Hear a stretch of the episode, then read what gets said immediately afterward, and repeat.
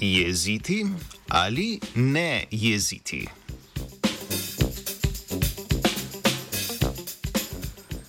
Skupina švicarskih, kolumbijskih in ameriških znanstvenic in znanstvenikov je v članku objavljenem v reviji Hydrology and Earth System Science ugotavljala vplive že obstoječih jezov na rečne ekosisteme evropskega predela Andov.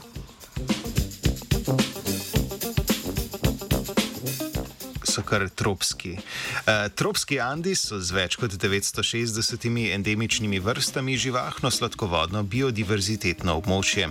Hkrati pa strma andska pobočja in ugodno vlažno podnebje regije predstavljajo velik, a za zdaj razmeroma neizkoriščen potencial za izgradnjo hidroelektrarn. Na že obstoječih jezovih je raziskovalna skupina na podlagi centralnega in javno dostopnega podatkovnega repozitorija za okoljske podatke analizirala vplive teh hidroelektrarn na rečne ekosisteme. Tako je ustvarila pregled praks in sestavila seznam izboljšav. Oboje naj bi pripomoglo k izboru aktualnih hidroenergetskih projektov, ki naj bi pridobili prednost pri izgradnji.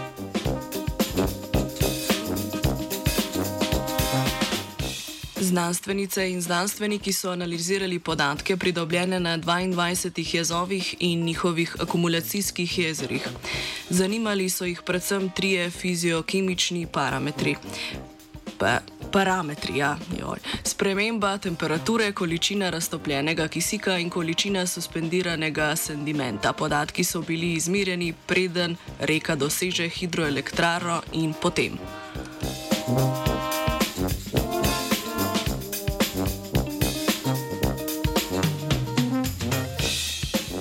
Opazovani parametri so torej sprememba v temperaturi, ki lahko povzroči motnje v embrionalnem ciklu tropske biote, recimo prezgodnje drstenje rib, sprememba v razpoložljivosti raztopljenega kisika, ki lahko sproži anoksično stanje, čemur sledijo motnje v metaboličnih aktivnostih vodnih organizmov, ter količina suspendiranega sedimenta, katerega primankljaj lahko vodi v izgubo deltnih habitatov.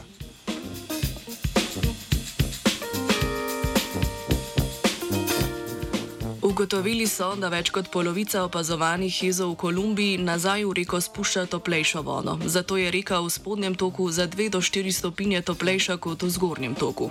Opazili so tudi, da več kot polovica jezov zadržuje ogromne količine sedimenta, tudi do 99 odstotkov. Tako visok primankljaj sedimenta. Dol vodno lahko pomeni izgubo deltnih habitatov. Poleg tega v objavljenem delu Beležijo, da so pri štirih kolumbijskih jezovih opazili prenasičenost s kisikom v spodnjem toku reke. To lahko povzroči motnjo v metaboličnih aktivnostih vodnih organizmov.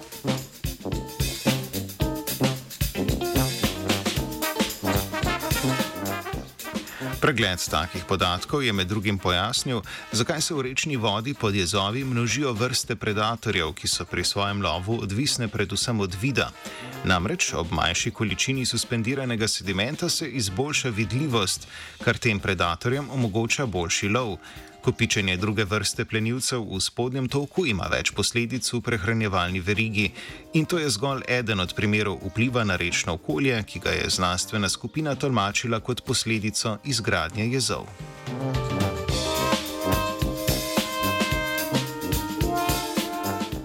Nekateri hidroenergetiki izpostavljajo, da gradnja hidroelektran ogroža tri cilje trajnostnega razvoja, ki so jih zastavili Združeni narodi v agendi 2030.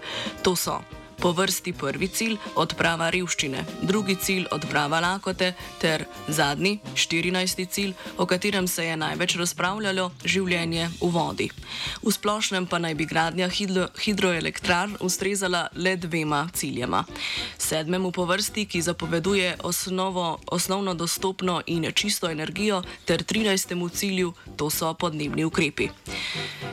Zato so take regionalne študije izjemnega pomena, saj lahko z njimi zaobjamemo širše vplive gradnje hidroelektrarn na rečne ekosisteme.